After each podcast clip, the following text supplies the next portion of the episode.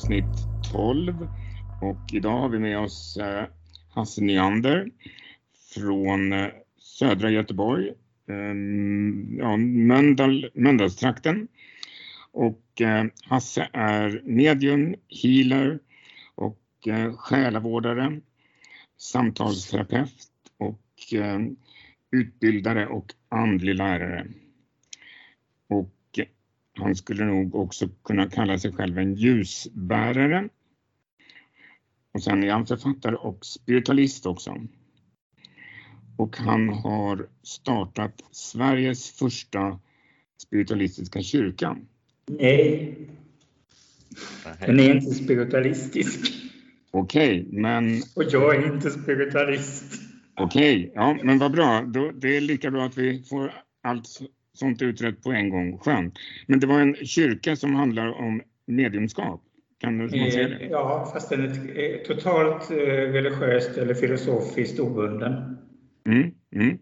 Så att eh, man får komma vilken religion eller vilken filosofi man har. Mm, mm. Jag tror inte vi behöver ismer utan jag tror vi behöver befrias från dem. Mm. Och därför säger jag själv inte att jag är någon form av ism. För ism blir alltid en dogm. Mm. Och även så... om du startar på ett fint sätt så fort det blir ism bakom så blir det en dogm. Mm. Jo, det såg ju han eh, som dog, dog nyligen, eh, vad hette han, Björn, han som hade varit munk innan ju. Jo. Han sa ju också det här om ismer liksom att det kan ju lätt bli dogmer. Jo, mm. tyvärr så blir det ju så. Mm. Och alltid någon ska ha punkter och prickar hur läraren ska läras. Precis, att liksom så här och så här ska det vara, men sen står det kanske inte någonstans. Men jag var man... spiritualist från början. Mm. Ja, för det ser man ju liksom att som spiritualismens sju principer, de är ju rätt lätta att följa men ändå så kommer det in en massa andra konstiga regler liksom, Ja. som inte ens står bland de sju principerna. Ju. Det är ju ändå trossatser och så fort det är trossatser så finns det en styrning. Mm. Så Jo, det är sant. det, det, det, vad heter det, meningen med Goda viljan är ju att skapa gemenskap utan några regler. Mm. Och jag menar, vi har ju haft nästan alla typer av religiösa religioner som har kommit. Mm. Och det tror inte jag vi hade haft om vi hade visat att vi tillhörde en viss ism. Mm. Jo, jo, ja, ja, men det tror jag också att det, det är nog en fördel faktiskt. Och, och, och så, då behöver man Sen inte tror jag inte jag vi behöver det. Nej, vi Vi behöver... behöver var och en våra egna trossatser och vara trygga i dem. Mm. Jo. Men det finns med. många idéer. eh, Jag hörde på någon podd i morse och eh, då var det en man som pratade om Gud och han nämnde Gud hur många gånger som helst. Man skulle göra det och det med Gud och man skulle be hit och dit om, med Gud. Men vad är Gud? Jag menar, det är ett begrepp som är så, så vitt så att det har ju i stort sett ingen innebörd eftersom alla tolkar det på sitt sätt. Jag tycker det bästa är att ställa istället frågan vad är inte Gud? Mm, Mm. mm, Ja, men då, då säger ju någon att Gud är allt.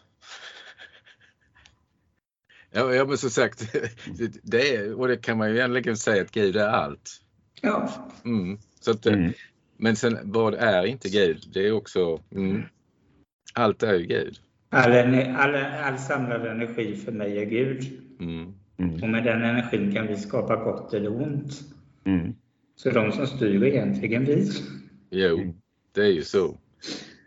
Jag, Mm. jag, har ju, jag är ju inne i den biten att allt, allt är Gud. Alla vi är Gud tillsammans. Så, att, så jag menar, och därför finns det en massa idioti också. För att alla har inte förstått sig på sitt eget budskap eller Guds, deras inneboende budskap till exempel. mm, Men visst, det, det är ju svårt. Och jag menar, man lär ju sig hela tiden massa konstigheter när man växer upp. Och avundsjuka, hur fixar man den till exempel? Ja, det, det är ju massa sådana där saker Mm. som man liksom inte, som man ändå får brottas med under hela sitt liv mer eller mindre. För de flesta i varje fall. mm. Mm. Jo, verkligen. Eh, Kanske inte jag är så mycket för stora profeter och sånt här, men alla profeter har ju fått brottas med det också. Jo, precis. Så, så, så, så det är ingen som kommer undan. Nej, precis. Ingen kommer undan helt enkelt. Nej, Hasse, alla får vi apropå- våra egna lektioner. Mm. Ja. Du, ap- apropå uppväxt. Eh, nej men du, du, pratade om, du pratade om på din hemsida att det låter som du var ett väldigt ovanligt barn och att din andliga resa började väldigt tidigt. Och eh, jag menar, du var en liten ljusbärare redan som barn och det är kanske inte någonting man kan säga om alla barn precis. Eh, men du verkar ha haft det andliga med dig redan, det gick hand i hand från tidig ålder. Kan du berätta mer om det? Eh, delvis tror jag att när, alla föds och är spädbarn så, så känner de sitt ursprung. Och, och då har man fortfarande sin andlighet kvar. Och att man är väldigt connectad var man kommer ifrån. Sen så, så finns det vuxna människor runt oss som försöker lära oss hantera den fysiska världen. Och, och jag tror att vi tappar vårt ursprung i olika åldrar. Så istället för att kanske säga att jag var ett speciellt barn så hade jag kvar det mycket längre. Så att jag, jag, jag tror att går du till en två treåring så är i princip nästan alla goda ungar. Och sen är det saker i livet som gör att vi tappar det. Mm. Men visst, jag var väldigt mycket och sprang och hälsade på gamla människor och skulle ta bort deras ensamhet och para ihop dem för de var änkor och änkemän och sånt här. Och jag var ju bara fyra, fem år men jävligt bra på att försöka vara äktenskapsförmedlare. Mm. Men det är också en orsak till att det fanns, fanns inga barn i min egen ålder på gatan. Mm. Så det fanns bara gamla jag sprang hos. Men sen hade jag väldigt mycket filosofiska frågor som med, med, med, ett djup som inte mina föräldrar kunde svara mig på. Men jag tycker att många gånger så kommer föräldrar med barn till mig för de kan inte svara på barnens frågor. Så att kanske är det en del som faktiskt finns kvar hos väldigt många barn. Mm. Men Mm. föräldrar kan inte bejaka det eller uppmuntra det. Och som barn tror jag vi alla är mediala. Jo, det, jag det, det är jag övertygad Det ser jag till exempel på mitt barnbarn nu. Va? Det är liksom, han ser ju, liksom, han, säger, han vill ju inte sova över här för det spökar. Sen kan han ju ha en annan anledning till det också men han känner ju ändå att det finns en närvaro här mer än vi. Va? Så att eh, jag, jag, känner, jag känner igen det som du sa. Jag var ju också, kände ju också mycket sådär att jag visste mycket och kunde mycket och pratade mycket med äldre också när jag var liten. Va? Men sen blir det ju någonstans någonting som händer av påverkan av andra vuxna och föräldrar och dylikt. Så att man, det försvinner ju mer. Jo, vi ska lära oss hantera den fysiska världen. Mm. Men jag var ju uppe i 16-årsåldern när när jag inte ville ha med det att göra längre. Så, så, så det var ju jag själv som puttade bort det. Mm. Ja, samma gjorde jag med.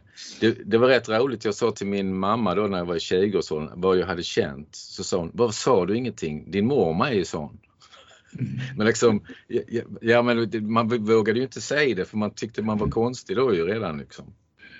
Alltså jag sa ju, sa ju det men det fanns ingen som kunde hjälpa mig. Nej. Och, jag hade, och det hade jag sagt något så hade jag kanske blivit förstådd, det vet man ju inte. Men så är det ju. Jag vet inte. Jag var ju 10-11 år innan jag fattade att alla inte såg vad jag såg. För jag trodde att alla såg likadant. Jo.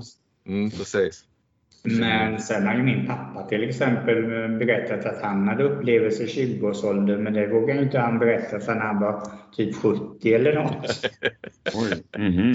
För det var ju en annan tid, han är ju född eh, 1920. Mm. Ja, jo, men det är som sagt. 40-talet han hade sina upplevelser som han aldrig vågade berätta. Mm. Ja, Jag tror ju många har upplevelser som de inte vågar berätta. Som har varit alldeles för konstigt eller för underligt eller är att... Men idag finns det ju faktiskt bra föräldrar för kan de inte svara så har de bokat en tid med sina barn. Och så blir det att jag sitter och pratar om barnen, om mina barnupplevelser, de pratar om sina barnupplevelser. Mm. Och ibland kan jag tycka att den där ungen är smartare än jag. Mm. De har det så rent. Mm. Jo. Jag har ju liksom en livserfarenhet och lägger in mina aspekter och erfarenheter i det. Men barn är bara en ren kanal. Mm. Mm. Så att jag, av en del av de ungarna har jag faktiskt lärt mig. Jo, det, det, så du ska det, lyssna på dina barnbarn? Jo, jo men jag, jag vet, jag, jag var ju fotograf på Moderna Museet så gick jag med en sån här barnkurs som tittade på konsten. Va? Mm. Och det lärde jag mig faktiskt. Då, de sitter, ja, så såg jag då läraren, titta på det här, vad ser ni? Och då, du vet, det var ju såna, alltså jag lärde mig så mycket av konsten av barnen. Mm. Av barnen förstår jag ju mer av vad de såg än vad vuxna sa till mig. Va? Så mm. det är ett fantastiskt egentligen. Ni har ju varit på kurs båda två för mig. Och det första jag, vad sa du? Ja, vad sa du? Jag hörde inte. Ni har ju varit på eh, mediumkurs båda två för mig. Ja, just det. Ja, och ett av de första sakerna jag säger är ju faktiskt att ni ska försöka vara som dagisbarn. Mm. Det säger jag alltid varenda gång. Ja. För att de har det så klart och naturligt bara. Mm. Och vi vuxna ska prestera och vi ska vara duktiga och vi ska kunna ha kontroll. Men, men är man som en dagisklass så bara flyter det ju. Jo. Så barn är en jättebra förebild. Mm. Ja, absolut. Jag var på Hilma av Klint på Moderna Museet och då, då var det just ett väldigt, ett antal skolklasser där. Och det var så underbart hur barnen bara sprang runt och de höll på och fotade och sådär. Men alltså det var så underbart att de, de tog in konsten på ett helt annat sätt än vi som tittar på alla olika geometriska mönster, men för dem betyder det något helt annat och det var så här lustfylld upplevelse för dem att se den här konsten. Du skulle ta en guidad tur med dem, Mikael. Mm. Ja, precis. Jo, men, det, ja, men egentligen så skulle man göra det.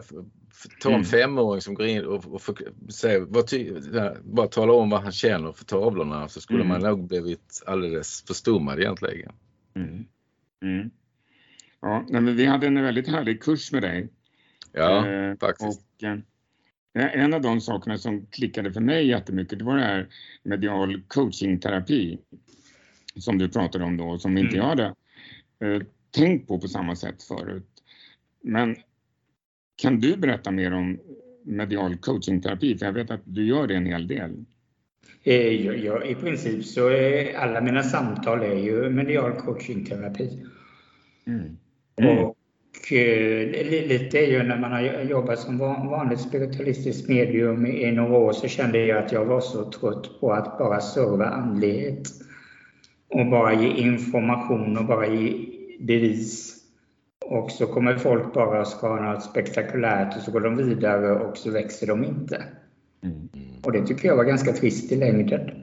Mm. Och sen, sen har jag ju väldigt många år i, i, inom vården, att jobba med förståndshandikappade eller funktionshindrade, jobba på hospice. Jag har massa olika samtalsutbildningar. Och eh, jag försöker göra en mix av allt det här. Mm. Men jag använder ju hela tiden min medialitet. Men det, det, det är ju mer terapisamtal Även om någon kommer för att få kontakt med någon på andra sidan mm. så är det ju mer terapeutiskt syfte. Du menar att du sätter den kontakten, den sätts i ett annat kontext då kan man säga? Eh, det, det, det tycker jag. Faktiskt och sen kanske jag går in intuitivt som samtalspedagog och mm, förklarar vad, vad de kan göra för att utveckla det där eller växa med det eller vad de behöver ta itu med inte bara att man går för att ah, Många går ju till ett medium för att det är som att gå på Liseberg för vuxna en stund. Mm, mm. Och, och, och, jag vill inte vara en åkattraktion. Mm. Utan jag vill ju vara någon som ser väx, växande människor och utvecklande människor.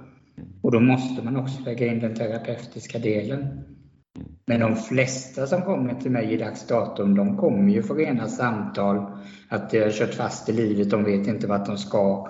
Så det är väldigt få som kommer för det där bevisförande eller bara information idag.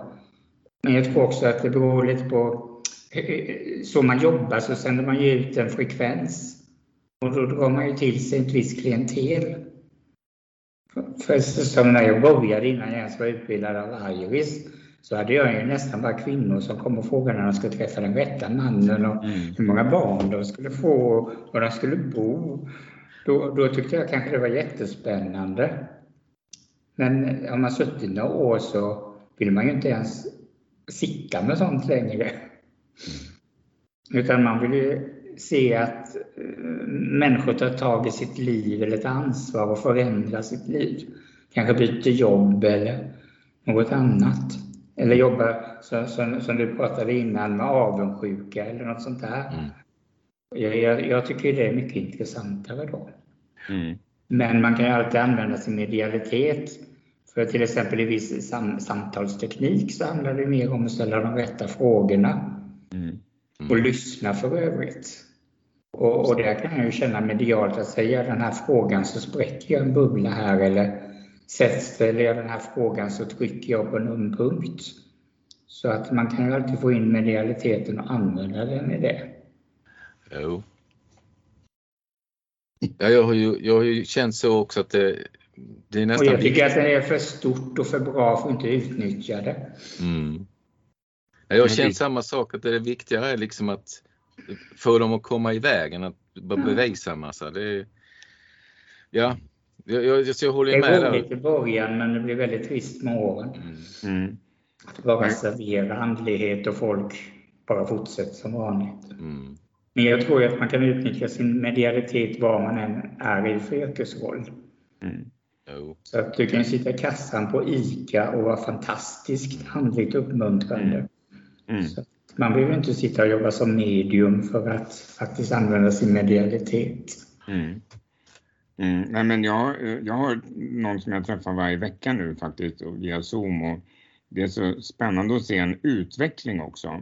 Mm. En, om man bara får någon som kommer och får sin, sin eh, information om eh, anhöriga och sen går hem och det kanske inte har träffat dem i hjärtat utan mer att ja, det var mormor som sa någonting. Men det, liksom, det för dem inte vidare, det måste ju träffa, träffa någonting i oss liksom, på riktigt.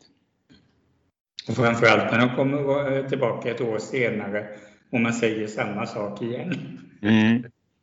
År ut och år in så blir det ju... Men jag tror att i början av spiritualisten så, men så behövde vi liksom framföra bevis eller fakta på att det är så här.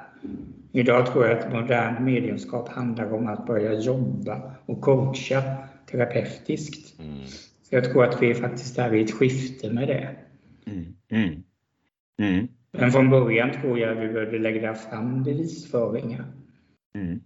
Så att vi fick eh, tro på att det är på det sättet då. Mm. Sen är det jätteskoj att stå och hålla seans men det skulle inte vara skoj att bara göra det. Mm.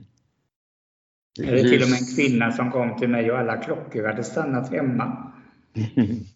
Och så kom hon till mig och frågade varför klockorna hade stannat och då var det någon som kom från andra sidan och sa för att det sker ingen utveckling i hennes liv.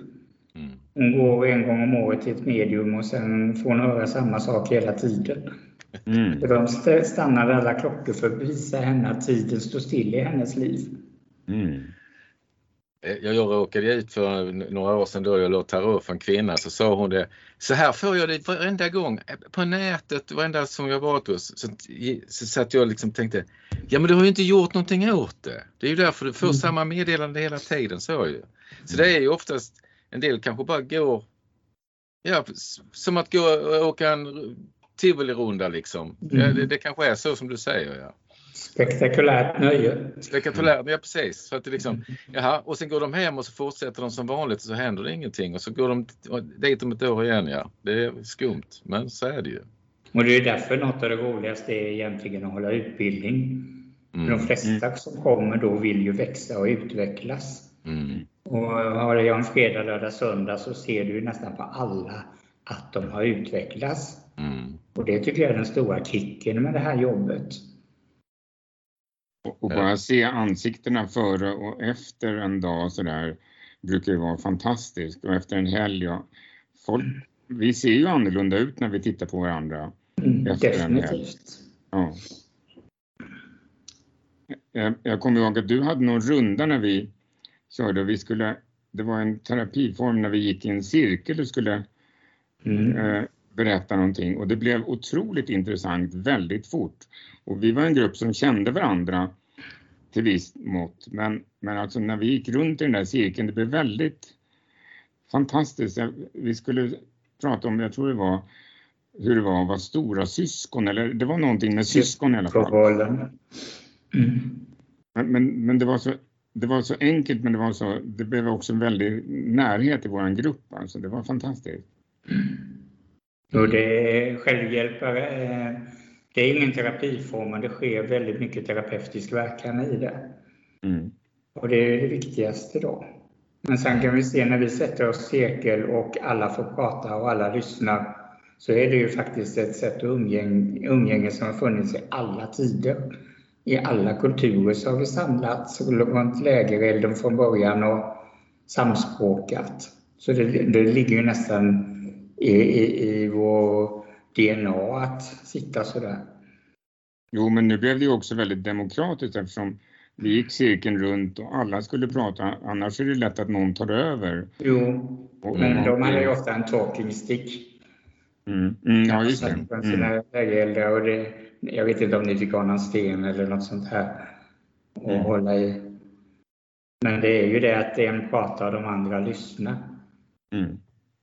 Mm. Så, och sen, sen just att ni fick ta syskonroll, för det spelar väldigt stor roll. Man påverkas väldigt mycket var man hamnar i syskonskaran och hur förhållningssätten är till sina syskon. Mm. Mm. Även om man då är ensambarn så blir det en påverkan. Mm. Är, är, du ensambarn? Jag? Mm. Nej, nej, jag har två äldre syskon, men jag blir nästan ensambarn för att de är lite äldre än mig.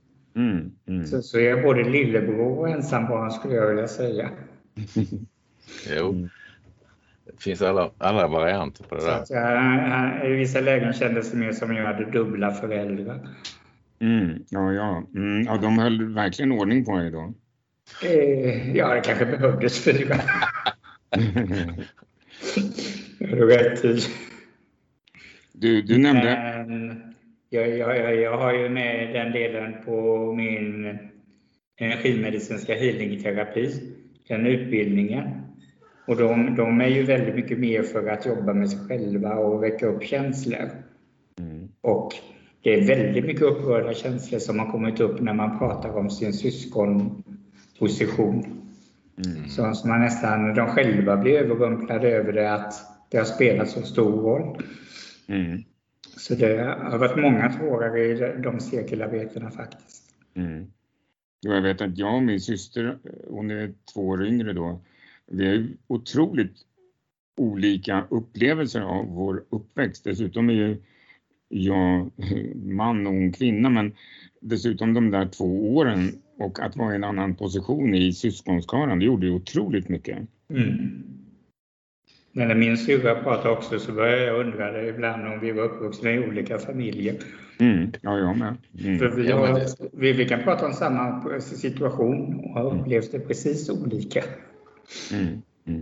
Mm. Ja men det upplever man ju även bland vänner. Så de ska mm. komma ihåg en sak. Jag kan komma ihåg en sak ingen annan kommer ihåg. Likadant med familjen. Jag, en, en, sak som är betydelsefull för mig som har hänt kommer ingen annan ihåg. Men jag tycker den är jätte, jättebetydelsefull. Ja.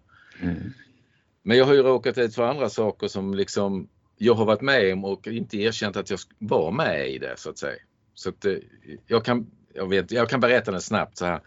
Jag var ju karatekille och så i Kristianstad och sen skulle det hända den grejen, en kille skulle överfalla en tjej med trätofflor. Jag hoppade emellan och sparkade ner honom till sist efter många omständigheter. Men sen gick jag därifrån för liksom jag, jag var nästan säker på att han klarade sig, inte för det. Men sen så fick, sitter jag på en fest och så är det en kille som berättar den här historien. Och då säger jag att det, det var jag. Jag var den som sparkade ner honom. Nej, det var inte det. Jag var där, sa han. Ja, men det var jag. Nej, det var inte det. Så alltså, han, han hade väl hört historien men han tyckte den var så speciell. Va?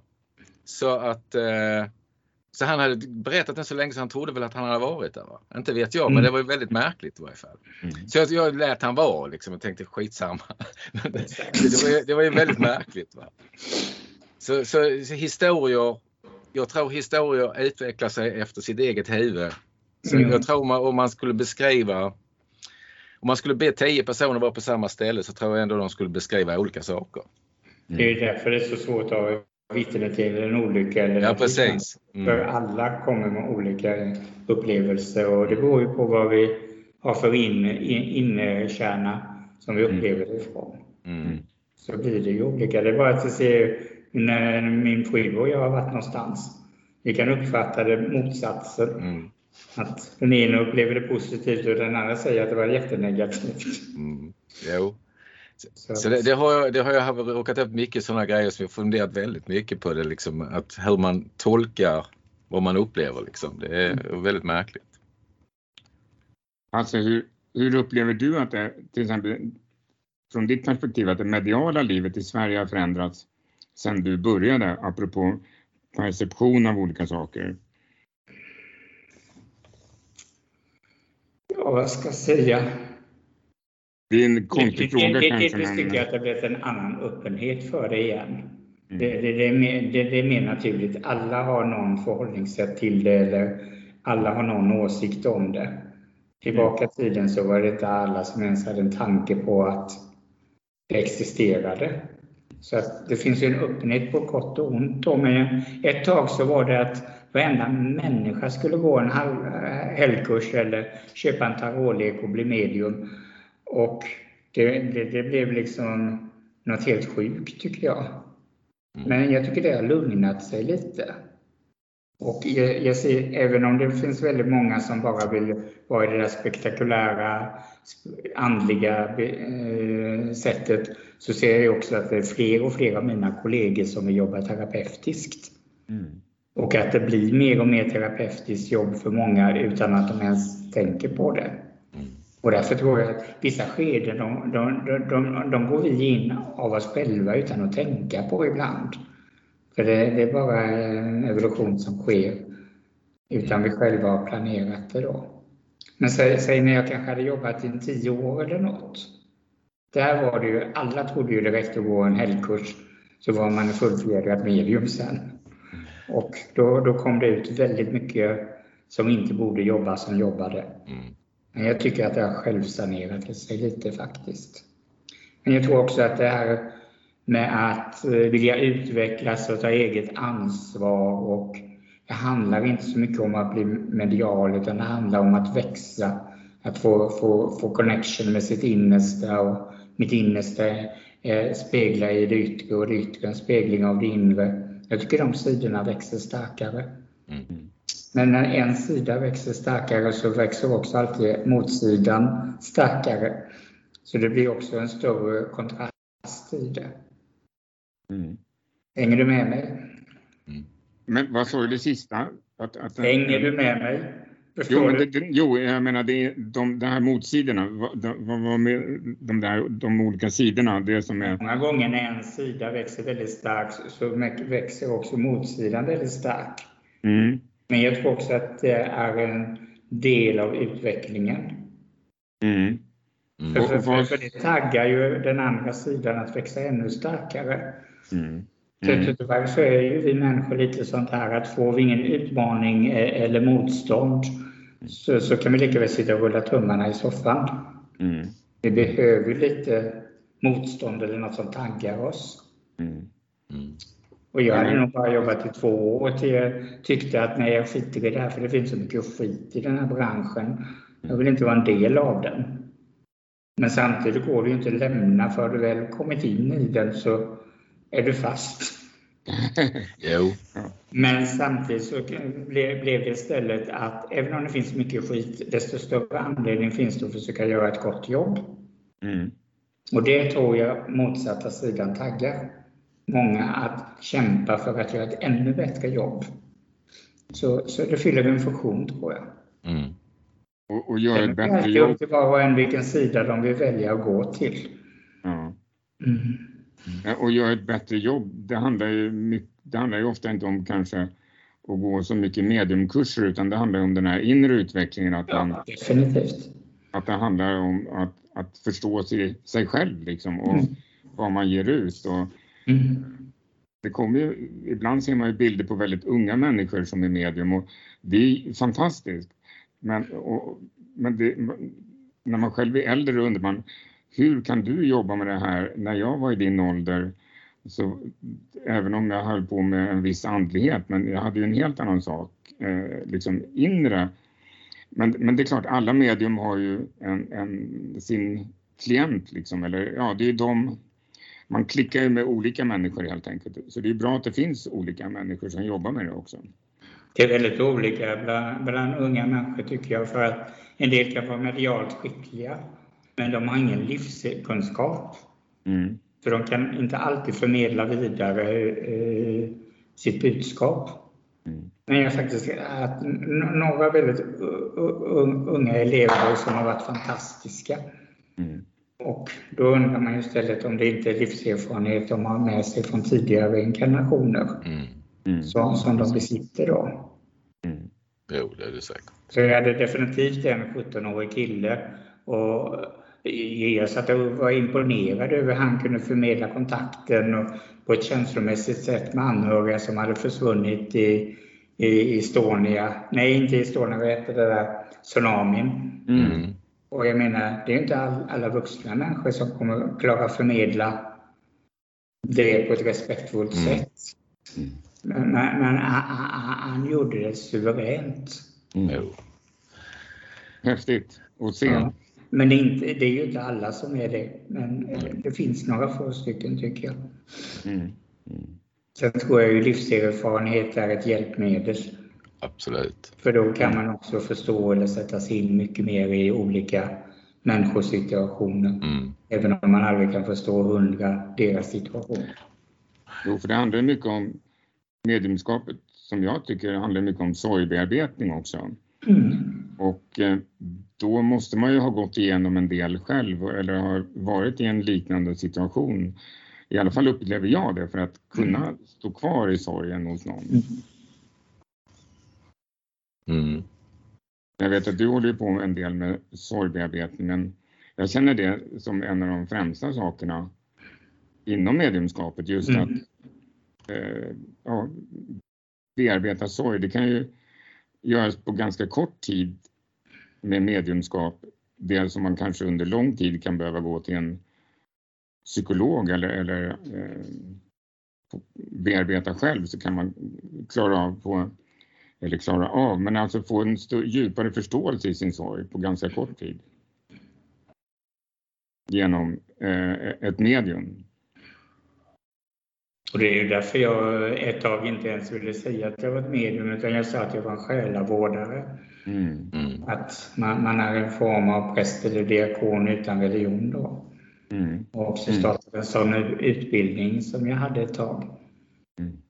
Men där bygger det också mycket på själavårdande samtal och då är man ju egentligen bara lyssnande. Men att lyssna till en människa är, är väldigt terapeutiskt. Mm. Många gånger, man har ju inte svaren och man har inte de rätta orden. Men, men, men låt, låta någon känna sig lyssnad är, är väldigt stort. Mm. Mm, verkligen. Och vi har ju inte idag någon jättenaturlig relation att gå till en präst. För många av oss har lämnat kyrkan eller inte går dit även om vi fortfarande är medlemmar. Mm. Då tror jag också att det är lättare att vända sig till någon alternativ som man har varit hos tidigare. Mm. Du... Och därför också jag var så glad att jag fick jobba en tid på hospice för att där får man ju verkligen använda sin medialitet. För där finns ju liksom inga ord som förändrar situationen. Mm. För de är ju bara där för att de, de ska dö. På hospice har man ju, man har ju haft mycket forskning och sådär just och jag upplevde det när min mamma gick över också, eller flera veckor innan, att hon, hon hade kontakt med sin, med sin mor. Mm. Och när jag kom dit en gång så i stort sett satt hon och sov och jag fick i stort sett ingen kontakt med henne alls. Och sen när jag hade suttit där i tio minuter så tittade hon bakom mig och såg ut som med ett leende och glittrande ögon och såg ut som ett, en ung flicka helt plötsligt. Och då upplevde jag att eh, hennes mor var där. Mm. Eh, och det var så fint för då kände jag också att ja, hon är på väg. Jag, jag, jag, jag måste släppa henne liksom. Eh, vi ska inte göra för mycket livsuppehållande eh, saker utan hon, hon, är på väg och de hämtar henne. Men det var så fint och du kanske upplevt det själv på hospice? Mm, nu, nu kan inte jag prata så mycket för jag har tystnadsplikt. Men, men, men visst har jag upplevt väldigt mycket både där och inom sjukvården för att människor dör ju även på vanliga medicinska sjukhus. Då. Men jag tycker ändå en sak som var positivt med eh, hospice var att de flesta hade förlikats med situationen mm. och var beredda på vad som skulle komma. Så, så, så, det var inte så mycket ångest eller ledsamheter där. Och det upplevde jag mer som det stora fantastiska där. Är man inom sjukvården och någon blir liksom eh, snabbt sjuk så, så, så blir det mycket mer sorg och ångest i det. Mm. Du har ju själv legat in eh, för ditt hjärtat, du var rätt så illa däran väl? Så du har väl också upplevt det som patient? Mm. Definitivt. Jag var jag läste 2000, din, 2008 var jag ju på väg över till andra sidan. Ja, ja. Men det är faktiskt den tryggaste stund jag har levt varit i. Mm. Ja, för jag läste din blogg där så jag, jag, tyckte det var rätt intressant där med sjuksköterskan de sa att du liksom, du verkade inte så du verkar inte så besvärad eller rädd verkar det som. Jag kommer inte ihåg exakt vad det står nu men, men det var liksom, du hade ju någon trygghet verkar det som då ju. Ibland kan väl livet vara mer skrämmande än döden tycker jag. Jo, det är sant. Titta runt. jo, det är sant. Nej, jag, också varit jag tycker den erfarenheten 2008 hjälpte mig väldigt mycket. Mm. När de inte trodde att jag skulle överleva natten då. Mm. Jag, jag, kände mig verkligen omhändertagen i den situationen. Mm. Nu vände det ju så att mm. jag, jag, fick ju lämna och åka upp till avdelningen igen. Men, men den, den, den, den natten bär jag ju med mig väldigt mycket som en trygghet. Mm. Och då hade jag nästan accepterat att jag skulle dö. Så det var nästan svårare att acceptera att nu måste jag börja leva igen. Mm. Men det blev, det blev en otrolig kunskap där säkert ju. Alltså... Jag är helt övertygad om mm. att det ingick i mina lektioner. Mm. Jag, jag, jag, känner så också. Det är liksom att vara så nära och ändå acceptera det och sen fortsätta leva. Det är ju då har man ju kommit en bit på vägen skulle jag misstänka. Liksom. Jag kan tycka det är mer skrämmande att vakna och lyssna på nyheterna. ja, ja. Att man nästan river sitt hår och undrar vad världen håller på med. Mm, jo. Mm. jo, verkligen. Och, och, se alla andras lidande som man ändå inte kan, eller som man har väldigt lite makt av att mm. förändra också. Mm. Och sen när man är väldigt sjuk så är man ju bara i sin situation. Det är ju verkligen ett nutillstånd. Mm. Så att jag kan uppleva så, så, som patient och så tror jag att de som är runt en har jobbigare. För jag är bara i det som är. Mm. Mm. Ja. Jag har också varit i en liknande situation när jag känt att jag var nära att gå över men då tyckte jag det jobbigaste var att att jag skulle lämna dem som de jag skulle lämna helt enkelt och, deras sorg. Men så upplever jag också. Att jag tyckte inte synd om mig, jag tyckte synd om de som var kvar. Mm, precis. Mm. Jag tänkte liksom, hur ska Monica klara sig? Hur ska mamma klara det här? Mm. Men jag visste ju att jag skulle ju bara komma hem till där jag kom ifrån. Mm. Så för, för mig var det inget issues på det planet. Men visst, det är ju de man eh, lämnar efter sig som man tycker synd om. Mm. Jag förstår mm. fullständigt. Mm. Mm. Jag körde ju av vägen en gång i tiden och landade på taket och klarade mig oskadd. Men då var jag i luften och bara tänkte jag, nu är det kört. Och jag bara accepterade det. Mm. Men sen fick jag skada när jag kröp ett genom fönstret istället. Ett sår i bakhuvudet. Men eh, det var, det var också sådär, det var nära döden upplevelse på något sätt att man bara godkände att nu är det klippt, nu är det kört. Och jag tror också det var, det lärde mig någonting där också att liksom man får vara rädd om livet på något sätt men samtidigt så är det inte så farligt att dö. Mm. Och samtidigt är det ju en bra livsregel. Mm. Att när man bara accepterar situationen så blir den inte så hemsk.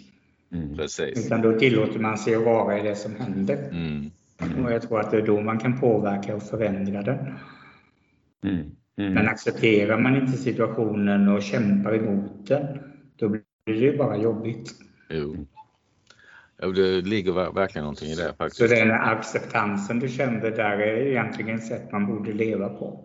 Mm. Mm. Men nu är det inte så lätt att göra det. Nej, nej, det är inte så lätt att 24 göra. dagar i Det veckan. var ju ungefär liksom 24 definitivt timmar i veckan.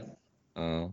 Men, men samtidigt så är det nog bra att leva efter den. Men sen inser man att om man inte kämpar emot så är man ju mer iakttagen, man är mer eh, med, man ser mer. Så att jag, det, är nog, det är rätt bra att hamna i den men inte så lätt att hamna i den alltid. För man blir allt, brusar upp eller blir rädd eller någonting annat. Mm. Så spärrar den. Mm. Jag, Du- jag, jag jag har ser- ju kopplat förlåt. maskinen till mitt hjärta nu och jag, jag, jag, jag har ju liksom verkligen fått jobba med att acceptera den. Mm. Mm. Men skulle jag inte acceptera den så skulle ju livet vara väldigt jobbigt. Men Ja. accepterar jag att jag, jag, jag har en ma- maskin som sköter en del av blodcir- blodcirkulationen i min kropp. Och då blir det ju mer en hjälp. Mm. Jag skulle ju lika väl kunna hata den där väskan som ligger vid stolen jämte mig. Mm. Mm. Det här Men tror jag det- är viktigt med de där acceptanserna. Mm. Ja, det är viktigt att acceptera tror jag. Mm. Mm. Ja. Och vad är alternativet? Precis om man inte accepterar det. Det är ju, det Det är är ju motstånd och då blir det ju jobbigt. Ja, Mm. verkligen. Mm. Du, din lärare, eh, du hade Iris Hall som lärare. Yes. Och det var en lärare som jag inte har upplevt själv, och, men som väldigt många pratar om. Mm. Eh, var hon engelska? Eh, Ja. För att, eh, kan du berätta lite om henne? För att jag har liksom bara hört hennes namn på väldigt många ställen, men har aldrig upplevt henne. Jag, jag, jag tycker att Iris, eh, när hon kom till Sverige, gjorde väldigt mycket för, för, för den spirituella utvecklingen och liksom lyfte fram den på ett annat sätt. Mm. Så att eh, även om du inte har träffat henne eller man mött henne så, så tycker jag ändå att vi går ändå lite i hennes fotspår. För att hon, hon, hon banade ändå vägen för väldigt många saker. Sen, sen var hon ju en helt annan generation medium. Att de, de var ju lite förhöjda och de var lite primadonnor. Mm. Och idag är vi inga primadonnor på det sättet, inte de flesta av oss i alla fall. Mm. Men, men de förväntade sig lite att vara satta på pedestal. Så att, sa, sa, sa, samtidigt som hon var väldigt mycket humor, väldigt hjärtlig, så var hon ju också jävligt hård. Mm.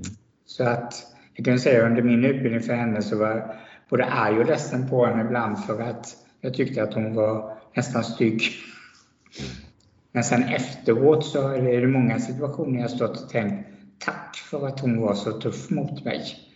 För hon drillade ju mig ungefär som man drillar en idrottsman. Mm. Så att, men man tänker ju inte att vi, vi som jobbar idag, vi som utvecklar idag, vi- är en fortfarande påverkade av henne. Mm. För att de gjorde så mycket när de kom till Sverige.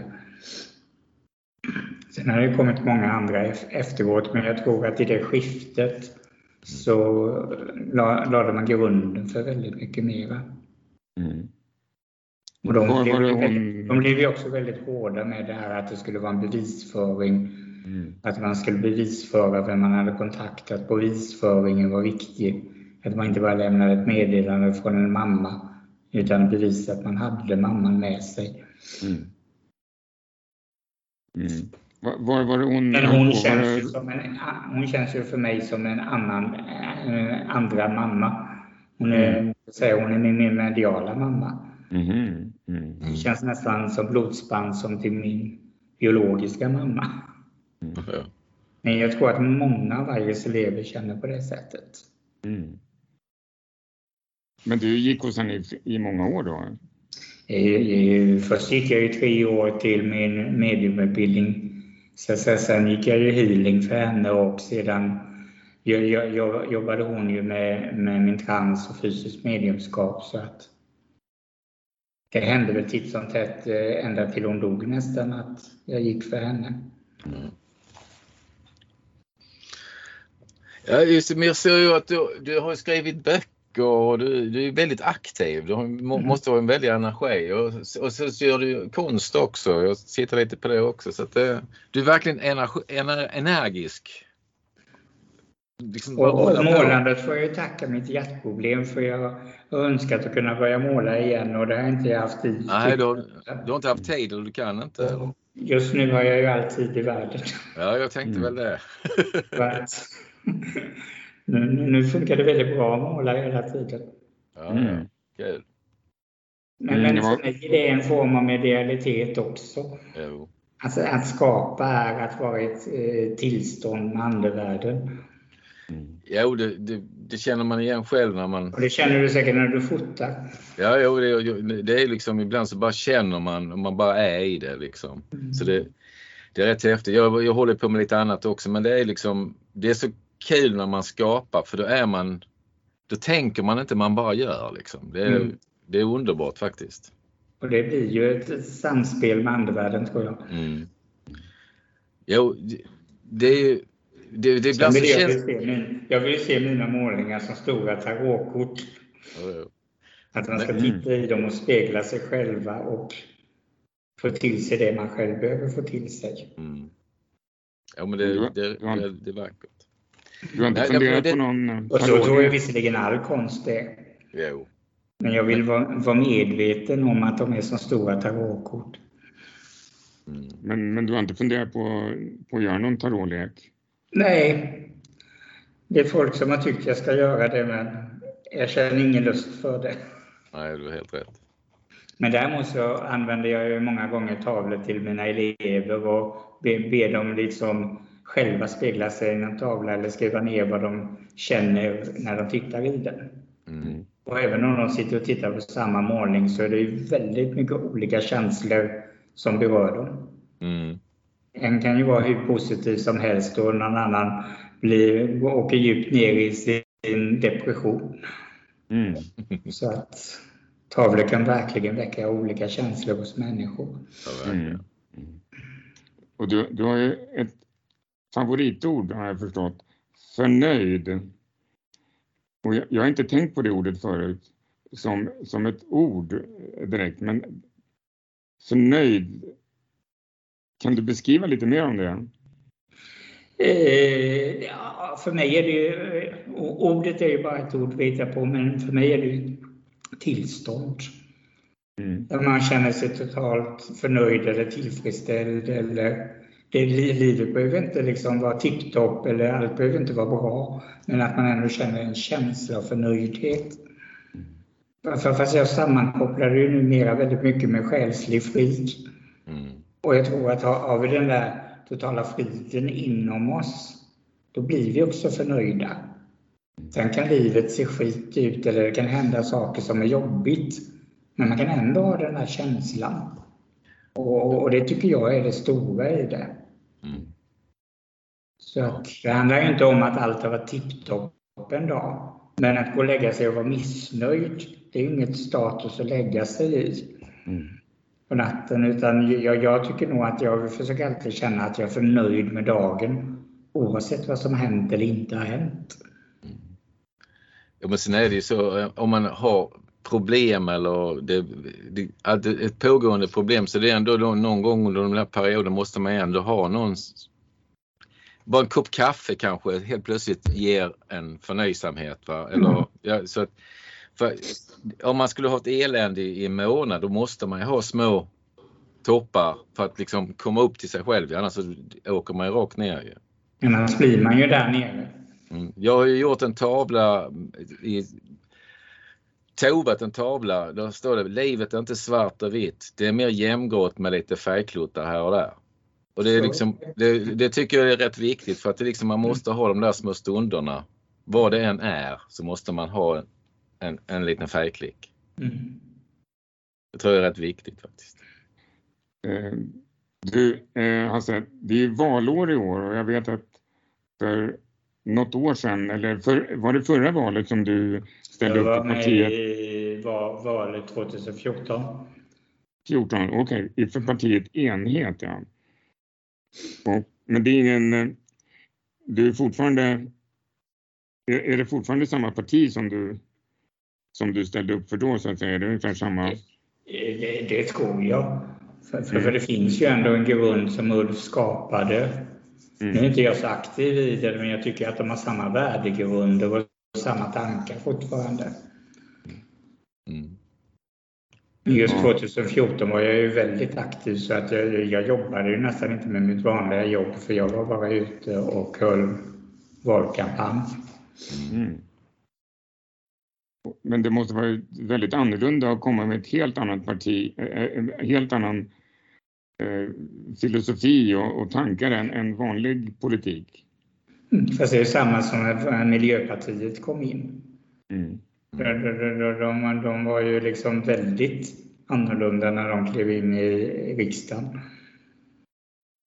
Men sen har de väl hamnat lite att de blir påverkade av själva sammanhanget. Men jag tror också att precis som vi behövde in ett miljöparti som väckte miljöfrågor så behöver vi in ett andligt parti som mm. växer liksom den andliga aspekten i ett politiskt arbete och uh, ta in medkänsla och ta bort ego, mm. de delarna. Så jag tycker att Miljöpartiets roll väckte ju miljöfrågor hos alla. Mm. Så att de har fyllt en väldigt viktig funktion. Däremot så är de väl en del av etablissemanget idag. Men det var de definitivt inte när de började. Nej, precis. Det är viktigt med någon som visar vägen och sen ja. det är så lätt att sen gå in i etablissemanget och ha åsikter sen, om allt möjligt. Sen kan inte jag, jag, jag brukar säga att min politiska ställningstagande är andlighet. Mm. För jag kan egentligen inte se någon skillnad på politik och andlighet och andlighet och politik. Mm. Mm. För, för att bo, bo, båda jobbar egentligen för att världen ska bli bättre och människor ska ha det bättre. Mm. Så att däremot så tycker jag ju att politik jobbar inte alltid för det som är syftet med det. För politik handlar ju faktiskt om att skapa en bättre värld. Mm. Och det känns inte som det grundsyftet alla gånger. Mm. Jag, jag, pratade med en vänsterpolitiker och menade på att man skulle kanske sätta empatipoäng på partierna. Så han, ja, men han tyckte ändå så här, men visst har de empati, sa han då. Så att han, han, han höll inte med mig, men jag tycker ändå man skulle sätta empatipoäng på partierna. Mm. Men fick man in ett parti som jobbade bara utifrån den grunden, mm. då skulle det tvinga de andra partierna att tänka mer om banorna. Precis som Miljöpartiet tvingade de andra partierna att ta fram miljöfrågor. Mm. mm. Verkligen. Och de var ju ganska, de var ju ganska liksom outstanding när de kom mm. från början. De, de kändes ju verkligen som alternativa snubbar. Jo, verkligen. Och det, det, det, gör ju inte Miljöpartiet idag. Nej, nej. Men när de kom så kändes de ju verkligen som katter bland hermelinerna eller vad det heter. Mm, jo, verkligen. Mm. Men jag ska inte ställa upp i år. Nej, nej. Ja, men det, du verkar ju ändå... Även om jag fått förfrågan så vet jag, jag misstänker nästan det. Ja. Mm. Jag avundas inte de som jobbar med det. Mm. Ja, det är mycket jobb. Mycket jobb, ja. ja. Mm. Och sen ja. drar man väl eh, åt sig en del. Eh, ja, det är svårt att hålla sig fri från alla saker som händer i politiken. Man blir lätt en måltavla för olika konstiga saker också kanske. Mm. Jo, det blir man ju. Vi kom väl aldrig så.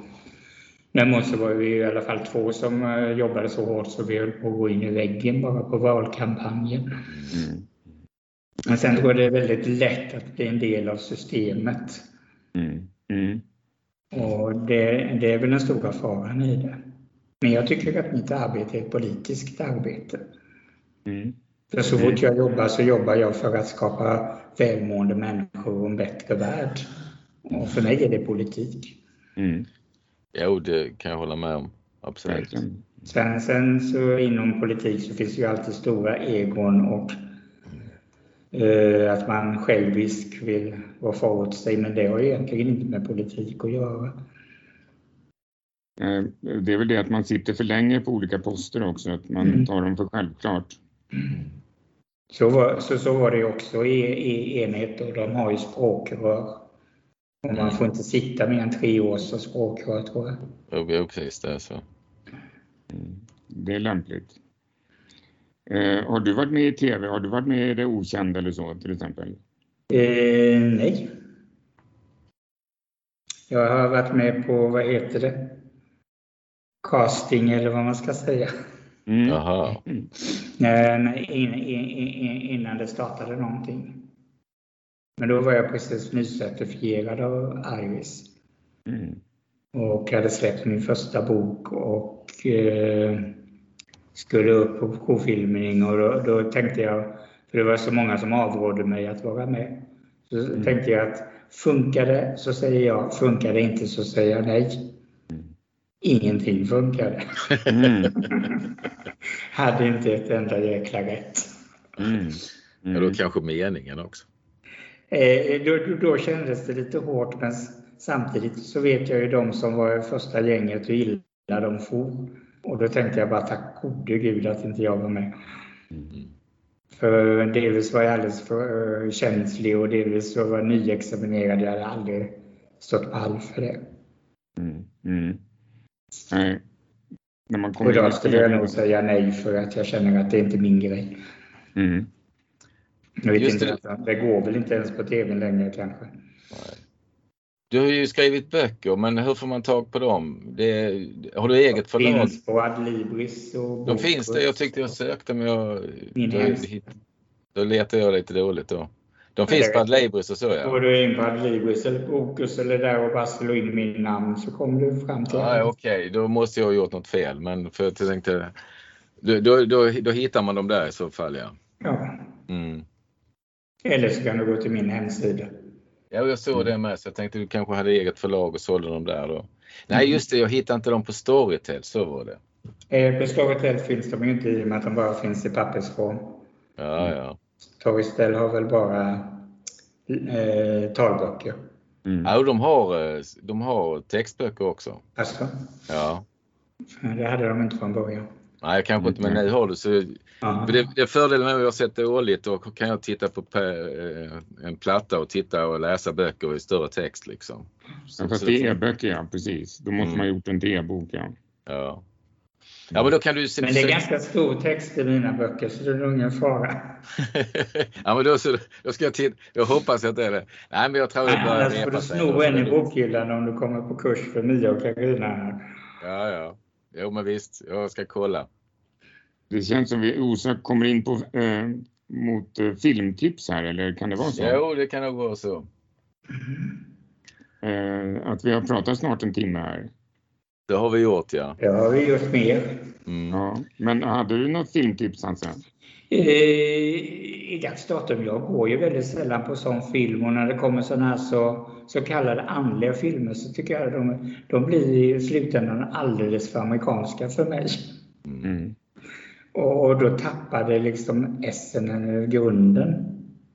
Men, men jag tycker ju fortfarande till exempel, den kom väl någon gång på slutet av 80-talet, att Den gröna milen är en fantastisk film. Ja, absolut. Och, och den går aldrig över i att bli sådär larvigt amerikaniserad. Mm. Utan den har ju faktiskt en fint ge- genuint budskap hela vägen ut tycker jag. Ja, verkligen. Ja, det kan jag hålla med om. Men, men sen liksom vad är en andlig film? Ja, Li- Livet i sig är andligt för mig. Mm. All, allt vi upplever är ett andligt. Så egentligen kan man ju hitta en andlig aspekt i vilken film som helst. Men jag förstår ju att ni letar efter filmer som handlar om medium eller ISS. ja eller, eller, som, eller som att det finns, som Gröna mejlen var det ju ändå mycket, han såg ju tillbaks och han kände ju, det var ju och han väldigt, läker ju faktiskt den här fågeln till en ja precis, till, till och med det, han var en riktig healer var han ju. Han var ju healer utan att förstå det själv. Mm, Eller fågeln är till och med död Mm. När han väcker den till liv. Men jag har ett filmtips. Ja, Men, men det är ingen sån film utan det är mer en dokumentär ja egentligen. visst, men det är bra.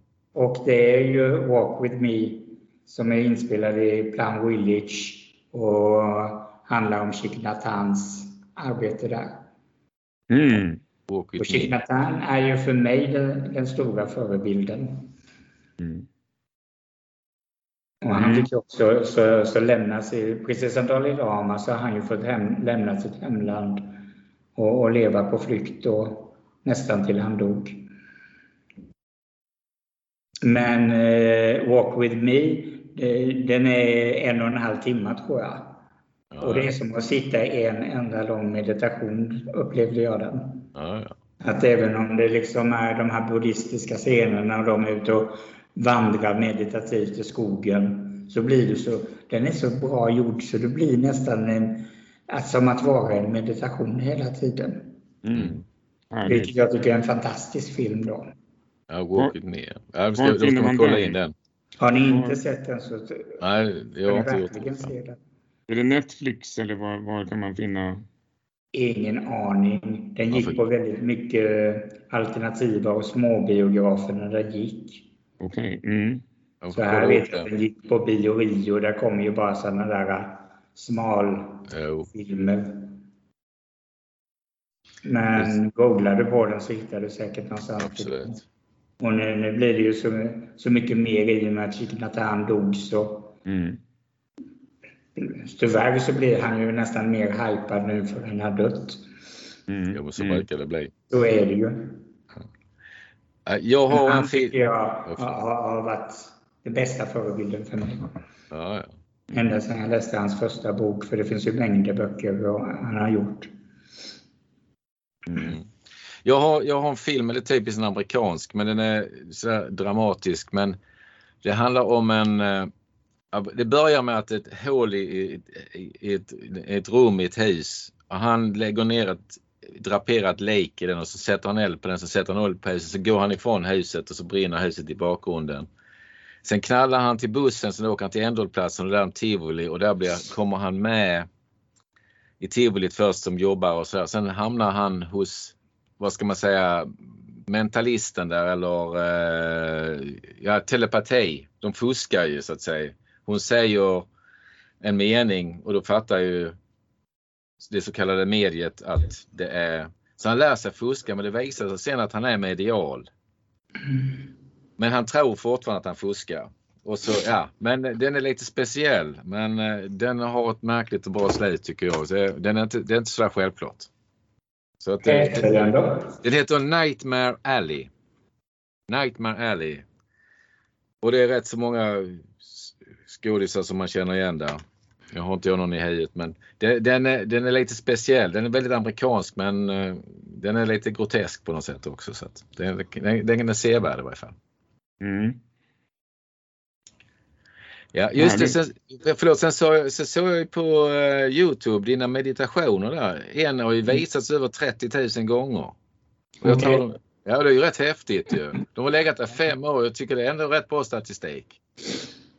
Så det kan du väl vara glad för. Jag lyssnar på, jag lyssnar på Jag den har i inte morse. ens koll på att den hade visats så många gånger.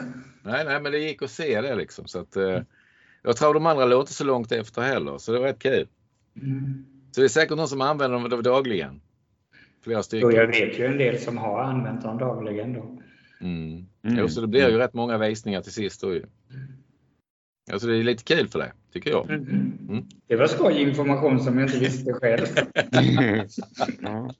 Sen är inte jag så aktiv där som jag hade tänkt att jag skulle vara. Men Nej, jag känner kan igen inte det hinna allt. Nej, man hinner inte allt, men du verkar hinna rätt mycket ändå tycker jag. Ja. Mm.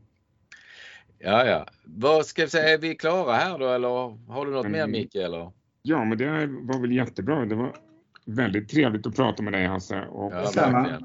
Jag hoppas att Det vi har jag inte sett på länge Mikael. Parallan träffade jag ju Ja, just det. häromveckan. Ja, jo, häromveckan. Jag stod och stakade mig och kom inte någon vart. Men så är det ibland. Ja, det ska vara så också.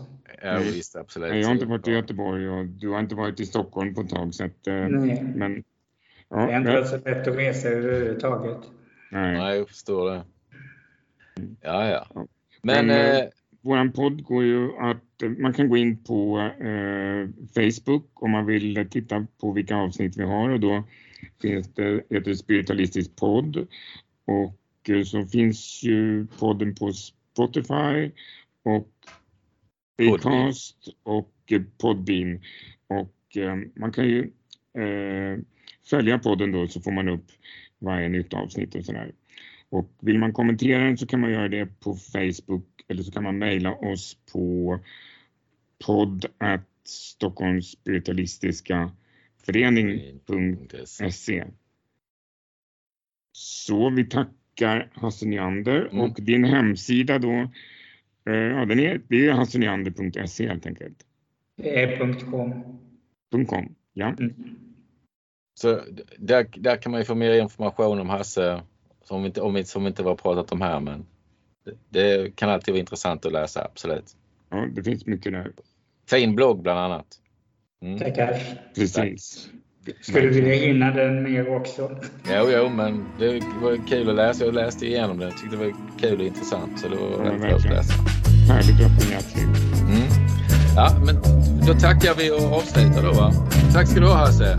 Tack. Tack så mycket. Hej, hej. Hej då.